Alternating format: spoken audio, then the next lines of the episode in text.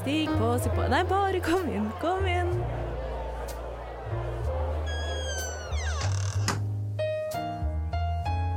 Her i lobbyen er det plass til alle sammen. Velkommen til lobbyen på Radio Nova.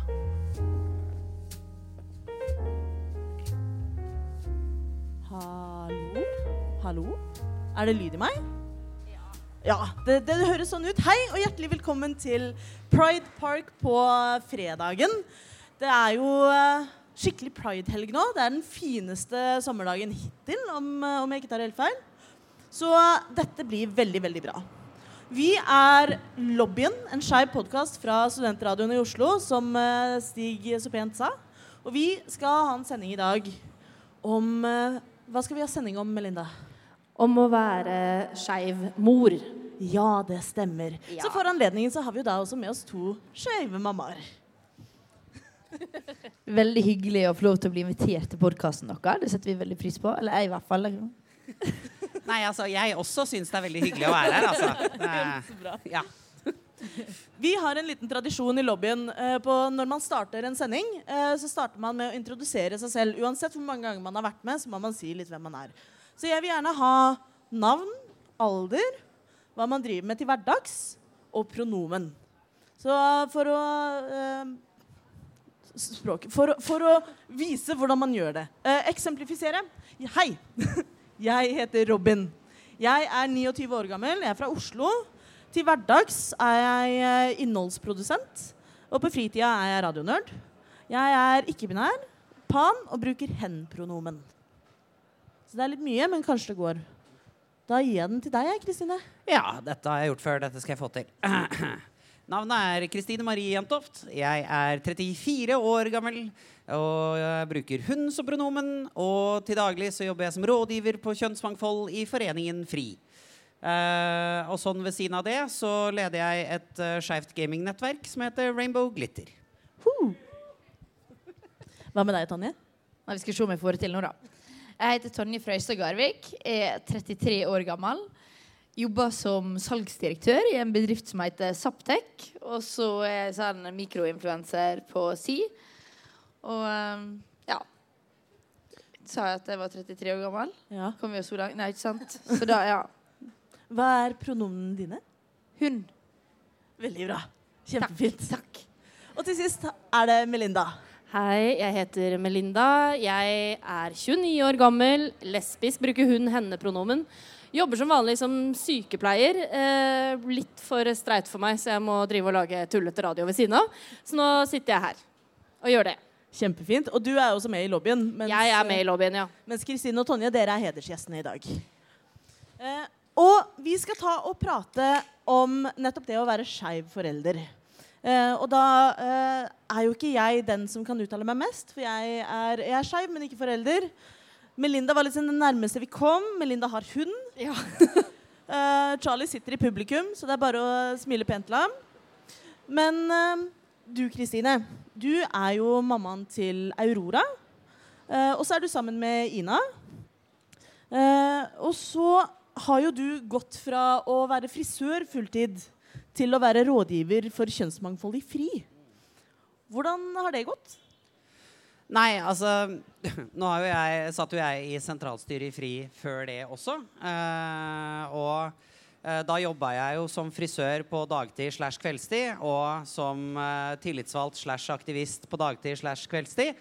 Eh, mens nå har jeg bare liksom én jobb, eh, og det er å være eh, rådgiver. Eh, så det har frigjort egentlig ganske mye tid, som gjør at jeg kan være mer hjemme sammen med familien. Det er jo veldig fint å høre, egentlig. At eh, det, heller enn å bli veldig mye mer å gjøre, så er det litt, eh, litt mindre. Litt mindre hår. Litt mindre hårete. Ja, det er, men vi setter like hårete mål i fri. Badumt. Eh, Eh, mens du, Tonje, du er, eh, som du selv sier, eh, mikroinfluenser. Var det det du sa? Ja. Eh, og du har vært med på Farmen. Eh, og du er sammen med Lene og mamma til Max. Og så lurte jeg på, kan ikke du ta og reise deg opp, bare kjapt? Det er litt mye å kreve. For Tonja er gravid med nummer to. Den satt, gitt. Så hvordan er formen? Formen er, altså, den er faktisk ganske OK. Jeg liker å sammenligne meg med de som er sengeliggende og er blødning. Eh, fordi at da tenker jeg at da er jeg vår heldige hele graviditeten. Um, for det har ikke jeg hatt.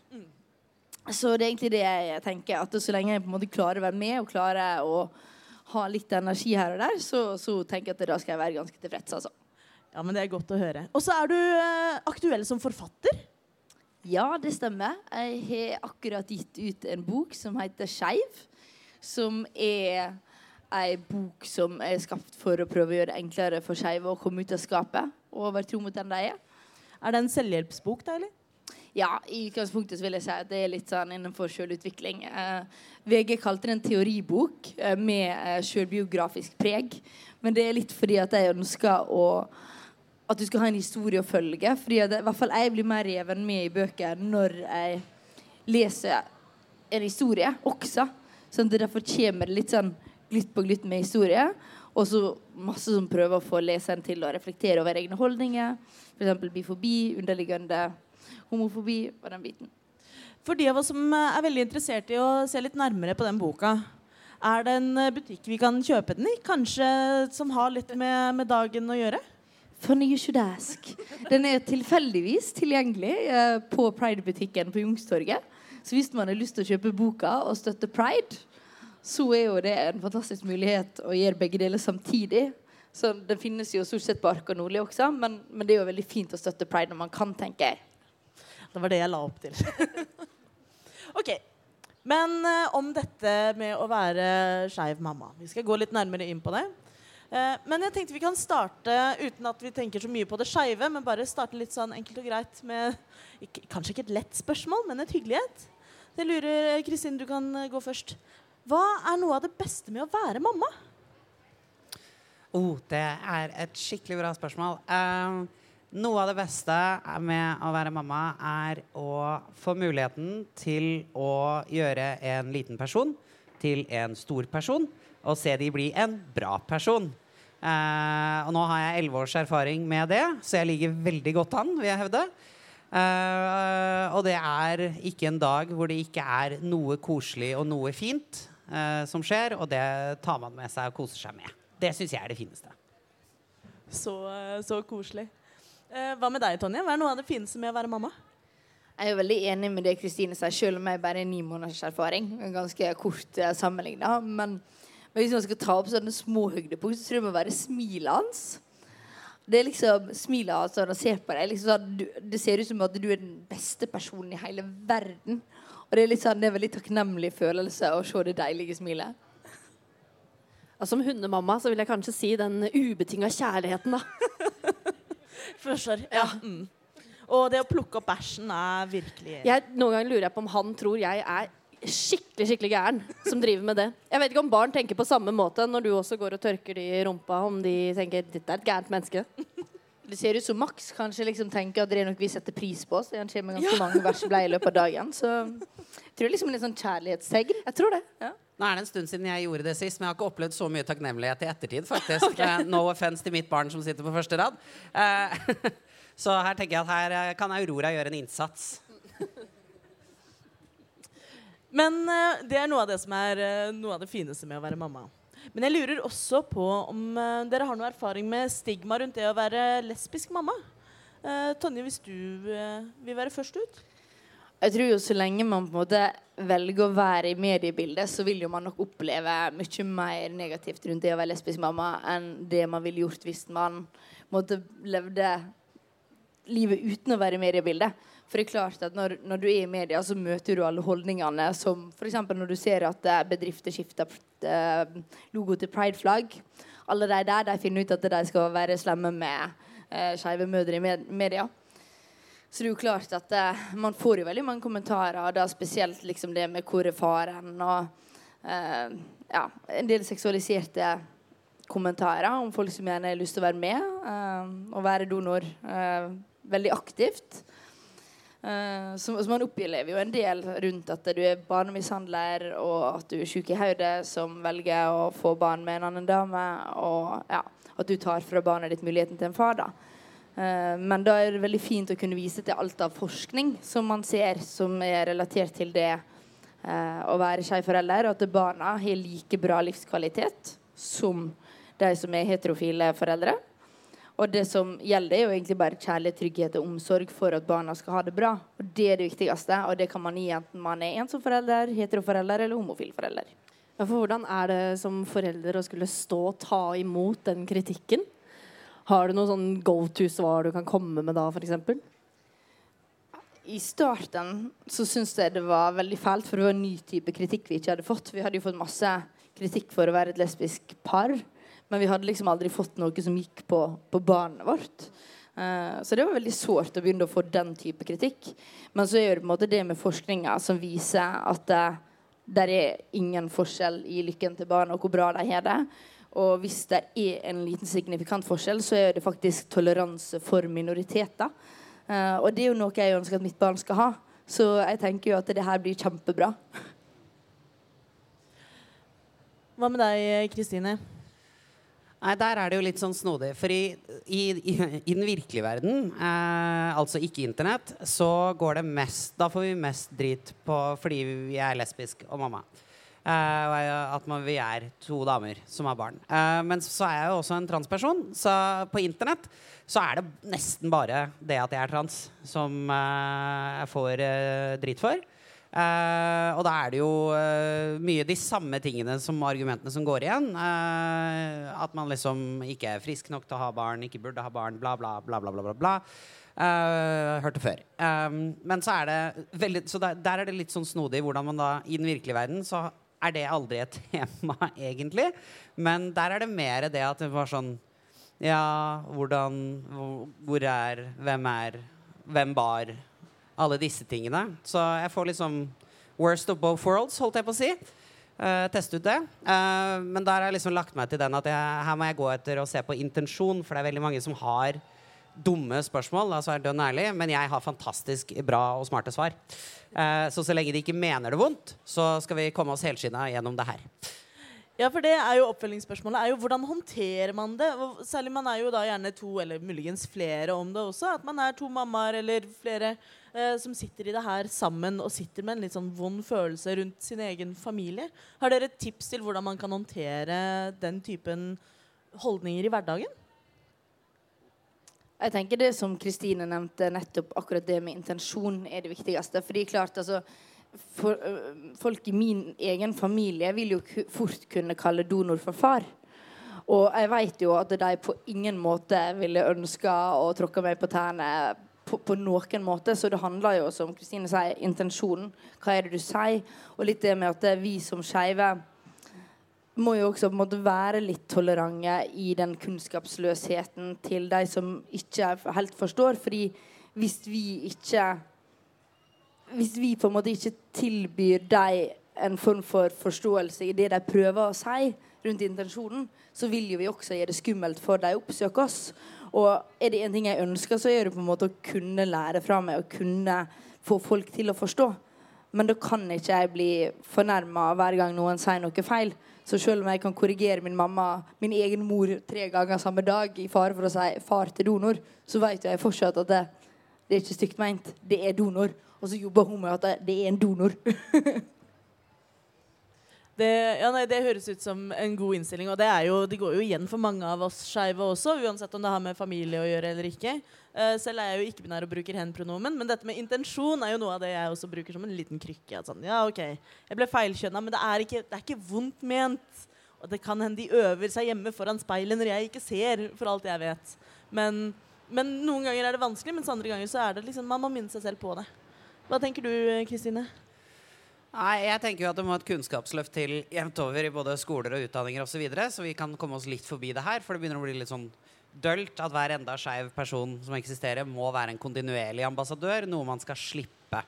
Uh, med mindre man absolutt vil. Da bør man få betalt. Uh, Så, um, så, det er liksom første steget. Uh, og så må folk begynne å huske på at bare fordi man tilhører en eller annen minoritetsgruppe, så betyr ikke det at alle sosiale koder uh, kastes ut vinduet, og folkeskikken kan vi legge igjen hjemme. Det, hvis vi kommer oss til de punktene der, og, så bør mye være løst.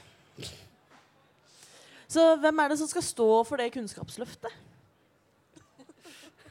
Hei, rådgiver på kjønnsmangfold. Eh, Nei, du, primært så er det, det institusjonene sjøl som skal stå for. Med, så kan de f.eks. da eh, få kursing av relevante aktører, sånn som f.eks. Rosa kompetanse, som er FRI sin fagavdeling, eller lignende aktører, i det, sånn at de kan eh, løfte det. Men også når man utformer pensum og lignende, så må dette puttes inn og ha en mye høyere prioritering enn det det har nå, fordi det er ganske mange mennesker det er snakk om. Da er jo det et eh, tips for de av dere som er her i dag, at uh, det er mange boder rundt om i parken også som uh, er ressursorganisasjoner og folk på det her. det er sikkert noen som kan hjelpe til på jobben din eller med den her bestemora som ikke vet hva hun skal si og sånn. Men Melinda, mm. nå kaster jeg ballen litt til deg. Det kan du få lov til. nå er jeg et sted i livet Jeg kan ikke se for meg at jeg selv kommer til å få lyst på barn. Men jeg vet ikke helt om det er fordi det er noe jeg har bestemt, eller fordi jeg føler at det er noe samfunnet bestemte for meg.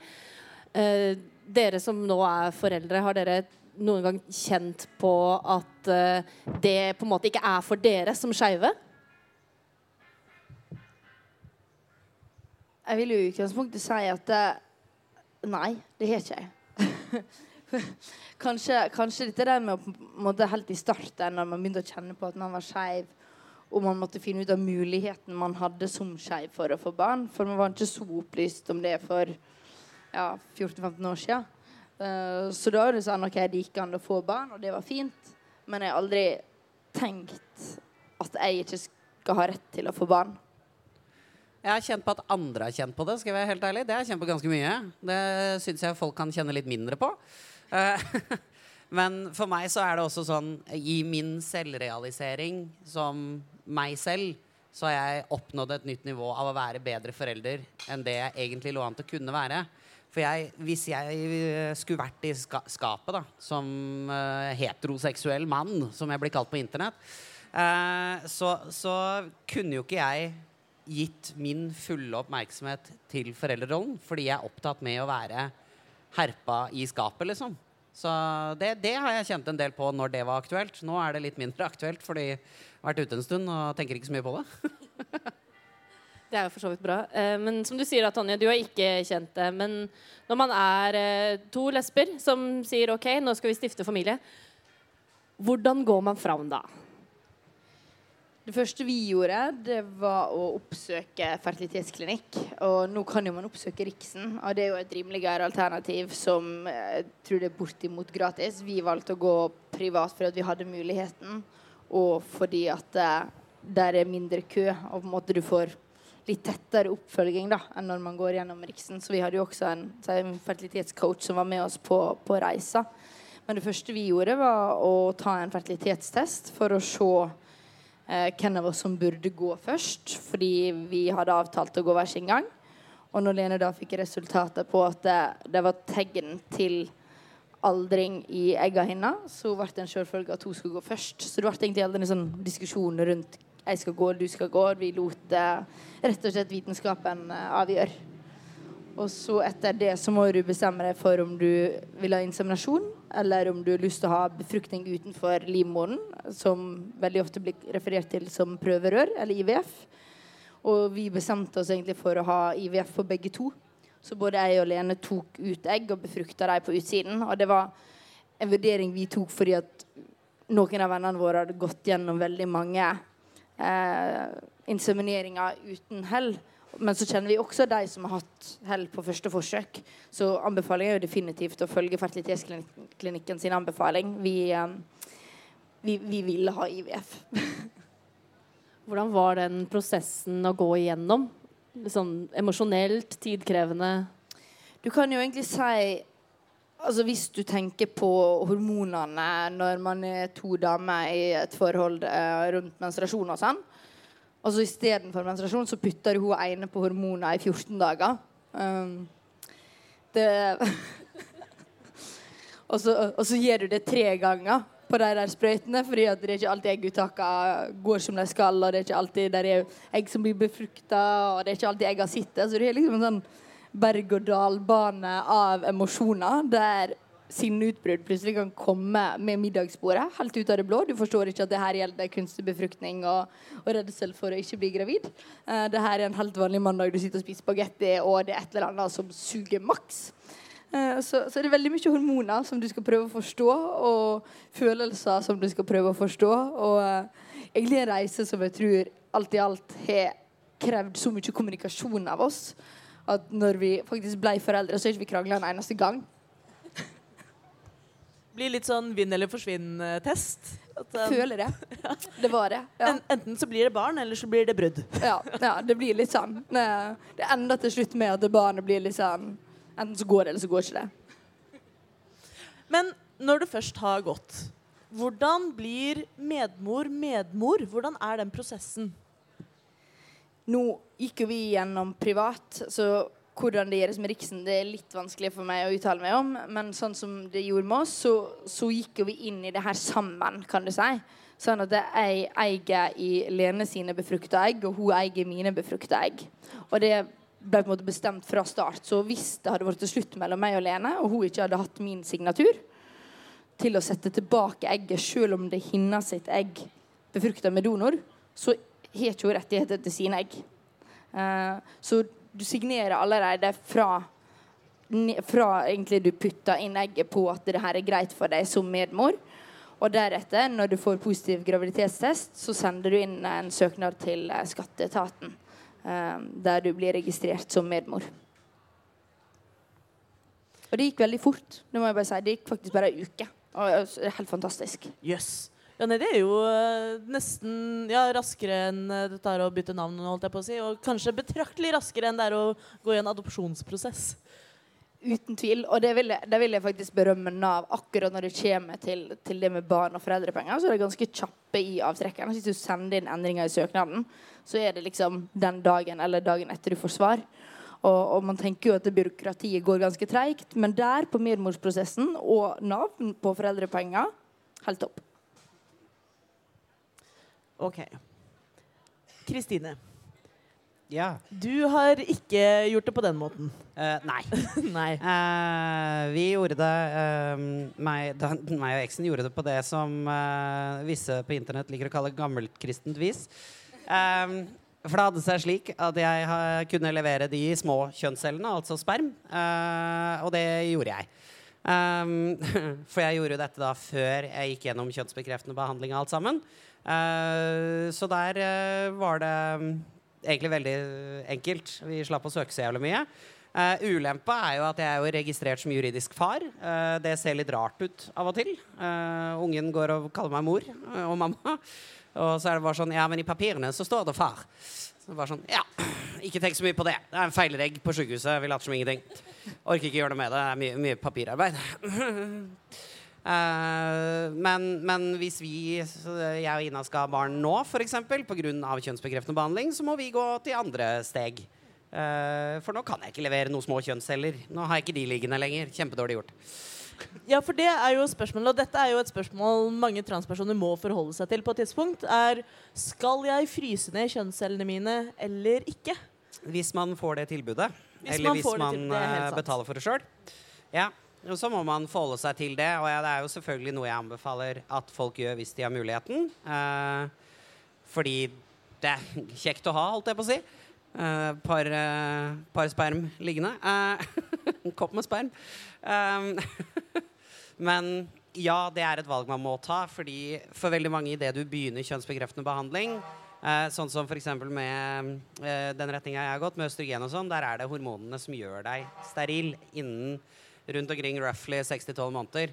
Så, og det sier jo også noe om hvor viktig det er for folk å ta kjønnsbekreftende behandling, fordi de må liksom veie det opp mot Ja, men vil jeg ha barn på denne eller denne måten? Orker jeg alt det styret? Orker jeg alt det maset? Og så er det allikevel noen som ikke har råd til å fryse ned, eller ikke får tilbud om det, som da må ta et ganske permanent valg da, for sin egen del. Og det er veldig, veldig synd, men verden er litt synd. Men muligheten er der heldigvis. Ja da, men ikke for alle. Ikke for alle. Uh, men nå er det vel også relativt nylig innført at det går an å fryse ned egg i Norge. Uh, tidligere så måtte man jo til Danmark. Så det er jo et steg i riktig retning. Men det er som du sier, at uh, noen ganger må man gå privat, og da blir det en, en klassesak. Mm. Men for å trekke det litt tilbake. Hvordan var det å gå fra pappa til mamma? Ja, nå har jeg ikke så mye erfaring som pappa. eh, fordi jeg har jo opplevd meg sjøl som kvinne hele veien. Uansett, Så jeg har jo sett på meg sjøl som mamma også. Uh, men jeg ble jo oppfatta som pappa der i et par ukers tid. Uh, og det var uh, Tja, det var, jeg husker ikke så jævla mye, egentlig. men vi var litt sånn i tåka. jevnt over så har det Har ikke gått knirkefritt, akkurat. Det har det ikke. men sånn som min familie, sånn, altså eksen da, som jeg fikk barn med har vært ganske ok på det. Uh, liksom, så lenge det, de logiske tingene var sorta ut, så var det liksom kurant. Um, så, men det er jo ofte den pga. at jeg får mye backlash i at jeg er mamma. Og våger å kalle meg det. Og det er det en del folk som syns er veldig slemt. Og har lyst til å fortelle meg, enten de gjør det på TV, eller de gjør det på internett, eller direkte til ansiktet mitt. Uh, og det gjør det ganske vanskelig, for da føler jeg at jeg må slåss for retten til å ha den familiekonstellasjonen jeg har, da, og for å være meg sjøl på også en annen arena, i tillegg til det at jeg måtte slåss for å bli anerkjent som kvinne i det hele tatt. Og det, så det er liksom, Den delen av det er kontinuerlig en kamp, og det vil alltid være noen som absolutt ikke ønsker å anerkjenne det, og det må jeg dessverre bare tåle eller bli lei meg for. Jeg orker ikke bli lei meg, for det er dølt. Det er lei av. Det var dette kunnskapsløftet osv., og, så videre, og så tar vi det vi tar det dag for dag. Ja. ja. Men eh, dattera di Aurora er jo i en unik posisjon. Hvor hun er ikke bare én, heller ikke to, men tre mammaer. og én pappa. Og en pappa. Ja. Har det bydd på noen utfordringer, eller? Ja, altså La oss ikke begynne å snakke om papirarbeidet til skolen, for der sliter de. Der er det Nå så driver foresatt én og ramler ut av papirene. Så plutselig så får de andre foreldrene, når de får klasselista, så får de liksom bare mitt navn og nummer. Eh, fordi eh, skolen har ikke helt klart å skjønne eh, hvem som er hvem. Um, og når det kommer til det juridiske, og la oss si vi skal skrive en henvisning til noe, eller noe sånt, og da må liksom jeg signere og eksen signere, og det, vi har egentlig veldig ryddig ordna forhold på det, men så skriver de f.eks. opp feil navn. Ikke på meg, altså, men skriver opp f.eks. Uh, Ina sitt navn, da, forloven min nå, på det. Og så må vi liksom Nei, ikke nå igjen. Greit. Uh.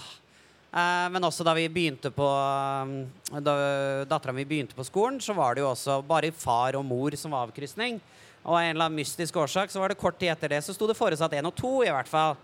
Men det er jo også noe med at det, det, juridiske kan være litt tricky med hvem som har rettigheter til å gjøre ting og ikke. Uh, Aurora bor jo stort sett hos oss og er hos eksen annenhver helg, og så deler vi feriene veldig fair. Men så er det en del rettigheter Ina ikke har tilgang på, som fordi hun ikke er da juridisk forelder uh, i den form. Uh, som er liksom litt synd med tanke på at det kunne fått ting til å flyte enda bedre igjen. Og det samme gjelder jo på den kanten også, for han som eksen er sammen med, han har ikke noen rettigheter heller. Som vi strengt tatt gjerne skulle sett at han også hadde muligheten til å ha. I tillegg så kommer jo det på toppen av at Aurora må forklare folk. Det var sånn Nei, jeg har tre mammaer og en pappa. Uh, Nei, nei, ikke den. Det, det, det er bestefar. Ikke tenk på han.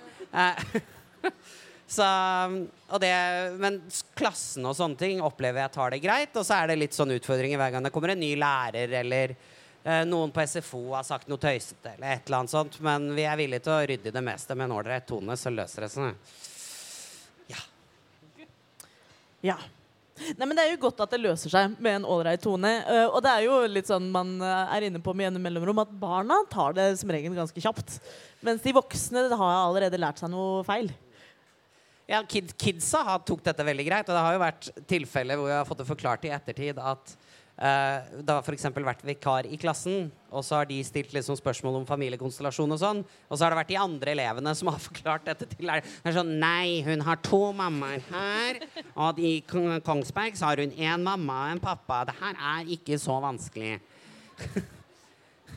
er ikke du voksen? Uh, så men kidsa har ikke vondt inni seg. De forstår verden sånn de forstår den, og det er egentlig veldig ok. Og så hvis det kommer fordommer eller negative ting, som det jo har gjort, selvfølgelig, så er det veldig lett å høre at det her Det her tenkte ikke du på sjøl. Dette har du hørt. Når, når kiden får beskjed om at de er syndige, f.eks., da er det bare sånn Hm. Jeg tror ikke de har studert de religiøse tekstene såpass at de fant den delen av det, liksom. Det, jeg tror dette kom fra noen. Eh, og når man da ta, må ta den samtalen med noen foreldre der, så er det sånn Ja, onkel var på besøk. Vi beklager. Faen. Han er ikke herfra. Han er fra lenger sør. Det høres ut som det blir ganske sterke barn av dette. For hva er det egentlig barn av uh, skeive foreldre, eller med flere mammaer, da, som er det vi har her, får, som kanskje ikke barn av streite, heterofile foreldre får? Tonje? Du kan jo si Først og fremst så er jo barn av skeive foreldre veldig veldig ønska. Det er jo noe man først og fremst må jobbe for å få i de aller fleste tilfeller. Nå hadde jo du en liten snarvei der eh, på din måte å gjøre det på. Men uh, også er det som vi var innom i stad, at forskning viser at barn av skeive foreldre er mye mer aksepterende og tolerante overfor andre minoriteter. Og det er jo en veldig sjenerøs egenskap man ønsker at barnet sitt skal ha. Ja, Den syns jeg er ganske bra. For det, det, er en mye større garanti for at det blir aksepterende foreldre skulle kiden komme ut som skeiv sjøl, f.eks. Ellers hadde det sett litt rart ut hvis det var homofobisk homo. Eh, var sånn nei nei nei, nei, nei, nei, nei, nei, du får ikke Sånn har vi ikke her. Men du og pappa, liksom. Men så en liten fun fact og replikk til deg i stad. At eh, på epikrisa til sykehuset, så står jeg også oppført som biologisk far, faktisk. Så de som tror at jeg og Max ikke er i slekt ah, med biologi Det sitter to fedre på scenen. Dette det var ikke det vi hadde planlagt. Plattvist twist! Men det, det, blir veldig fint nå eh, når vi får født han andre tassen. Så blir jo Lene biologisk far, så da blir det hennes tur å være mannen i forholdet. Så det gleder jeg meg veldig til. Så dere er eh, både to mammaer og to pappaer på én gang? Absolutt. Bare spør sykehuset. Se for deg det papirarbeidet. ja, det blir deilig. Nei, men uh, vi begynner å nærme oss uh, slutten sakte, men sikkert. Men uh, jeg lurer jo litt på For dere har jo vært inne på det begge to, at man får noen ganger noen kommentarer som ikke er helt gode, og som går på familien og, og barna. og hvordan hvordan jobber man egentlig med det som, som, Nå spør jeg dere som enkeltpersoner mer enn uh, familiemedlemmer, holdt jeg på å si. Men hvordan håndterer man det å, å, høre at Nei, nå innprinter du barnet ditt med en ideologi. Eller nå barnet ditt får ikke noe valg når de må vokse opp sånn som dette. Uh, det er korrupsjon, og det er Ja, det er ikke måte på. Jeg tenker jo at bakgrunnen for å si de tingene først og fremst kommer av manglende forståelse og kunnskap av den som uttaler de tingene. Uh, vi vet jo hva det gir barna våre. Vi har jo fulgt med på forskninga. Vi ser jo at det her er positivt for dem. Så, så, jeg tror liksom man etter hvert som man står i kritikken, så blir man mer og mer tjukkhuda på den kritikken det gjelder. Så selvfølgelig så er det ting som treffer, og ting som stikker her og der. Um, men vi vet at barna våre blir gode mennesker, og de kommer i hvert fall ikke til å prate til andre på den måten som de menneskene prater til oss. For meg så avhenger det veldig av er kiden min i nærheten til å høre det sjøl.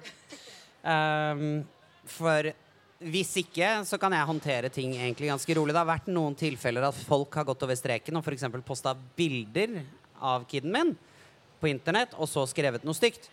Da er jeg sur. Da bare Carte blanche, da er jeg sinna med en gang. Da har du gått over en strek. Altså, jeg kan tåle all driten mot meg, men det sekundet du begynner å trekke inn for andre, og da min familie i tillegg, da har du gått for langt. Uh, mens når folk bare skriver sånn 'Kommer til å bli skada', jeg vet ikke, jeg bruker skikkelig ugreit språk hele tida, som de alltid gjør, da er det bare sånn Greit, du er ikke en ålreit person. Deg trenger jeg ikke konversere med. Her er blokkeknappen. Uh, men når det har skjedd IRL, og kiden har vært i nærheten, da er det å sende den ene forelderen av sted med barnet og den andre kan stå igjen og oppholde litt. Uh, og det er noe vi har måttet gjøre. Uh, og da tillater jeg meg sjøl, spesielt hvis det skjer sånn som det har gjort en gang, på Pride utafor her, rett ved Nationaltheatret, hvor det sto noen demonstranter. Da tillot jeg meg selv å bare være hissig og stå og kjefte og gi dem en liten oppstramming. Fordi da trengte jeg å få ut litt selv. Og der står du og har nettopp angrepet oss. Greit, min tur. Og da, neste ti minuttene der var egentlig sånn etterpå ganske deilig. Altså. Sånn veldig forløsende, liksom. Hvordan kan man egentlig forberede barna på kritikk som de potensielt kan eh, møte av å ha skeive foreldre? Ærlighet er gjerne en greie. Uh, men det vil du være. Det vil alltid være kjipe folk rundt omkring. Uansett om det er skeive foreldre eller streite foreldre. Folk, barn kan si stygge ting. Voksne kan si stygge ting. Eh, det å være ærlig om det, men ikke sånn Det er masse slemme folk der som kommer til å si stygge ting. Det er noe, det er ikke så smart. Men å forberede de helt ærlig på at det kan komme noe. Det kan vi snakke om hvordan vi løser sammen. Og så må vi ha en trygg og åpen ramme, for hvis det skjer, så kan du komme og prate med oss om det.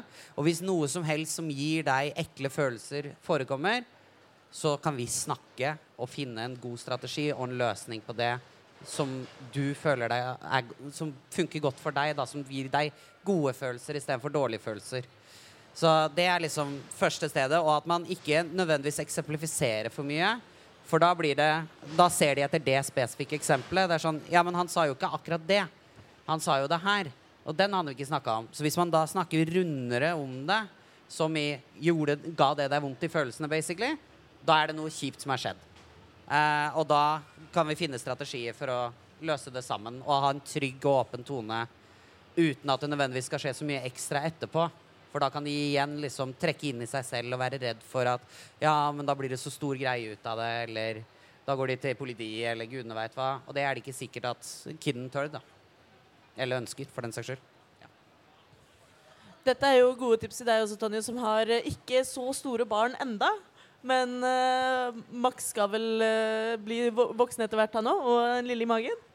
Ja, og det, det er jo som Kristine sier her, at åpenhet og transparent, og det å være transparent er jo det man ser forskning sier i forhold til det å bygge trygge barn rundt det å ha skeive foreldre. Så det er jo det å være åpen og fortelle dem hvor de kommer fra, alt rundt vår relasjon, at det finnes en donor i Danmark. Og hvis de vil, så kan de oppsøke han når de er 15. Det er opp til dem. Og da sitter jeg på flyet sammen med barna mine og holder dem i hendene. Det her er deres sitt liv, det er de som bestemmer, og jeg vil at mine barn skal føle seg trygge og elska og ønska. Det var jo veldig pent sagt. Eh, vi eh, har eh, tid til et siste spørsmål. Dette har jeg ikke sendt dere på forhånd, så nå er jeg jo litt uh, frekk. Men jeg lurer på, for det er sikkert flere i parken her som både er skeive familier selv, kanskje barn fra skeive familier, men det er muligens også noen som går og vurderer selv om de skal få barn, og hvordan det er å være forelder når man er uh, et, et regnbuemenneske, når man er skeiv. Så har dere tips til den framtidige skeive foreldren? Jeg tenker at Hvis du ønsker barn og føler at du har kapasitet i livet ditt til å ta vare på et barn og gi det en trygg oppvekst, så er det det viktigste. Det er definitivt det du må tenke på. At du er sammen med Om du er sammen med hen, han eller hun, det spiller ingen rolle hvordan kjærlighetslivet ditt ser ut. Og ja, Det viser jo igjen all forskning. Så gå gjør det du ønsker. Og så anbefaler jeg eh, å oppsøke andre som er i lignende situasjoner. Både for din egen del og for kiddens, uh, kiddenes sin del. Eh, rett og slett for at man skal kunne åpent samtale om utfordringer, hva som er vanskelig, hva som er fint. Også se andre i lignende situasjoner. Og det, liksom, det gjelder uansett hvilken type situasjon du er i. Enten du er trans eller bi eller lesbisk eller hva som helst. Finn likesinnede. Det hjelper å gjør ting bedre, så man ikke føler seg så effings aleine. Og da hvis man er eh, med i for eksempel gruppe for regnbuefamilier, så er det veldig koselig. Strålende. Da har jeg spurt fra meg. Melinda, er du good? Jeg tror også jeg har spurt fra meg. Ja, men så flott. Gode tips. Gode tips. Eh, gode tips å ta med seg hvis vi også en vakker dag skulle bli foreldre til noe mer enn bare bikkjer. Ikke vi, da. Nei, ikke Ikke, ikke sammen, håper jeg. Hæ, er Eller hva er det du Nei, kommer med nå, Robin? Å, dette var jeg ikke forberedt på. Nei da. Nei, eh, kanskje ikke vi. Det stemmer nok. Eh, vi har vært eh, podkasten Lobbyen fra Radio Nova, studentradioen i Oslo. Vi er eh, ferdige for er i dag. Eh, tusen takk for at dere kom og, og hørte på. Og for de av dere som eh, hører dette som podkast, tusen takk for at dere også hører på. Takk for oss. Takk for oss. Du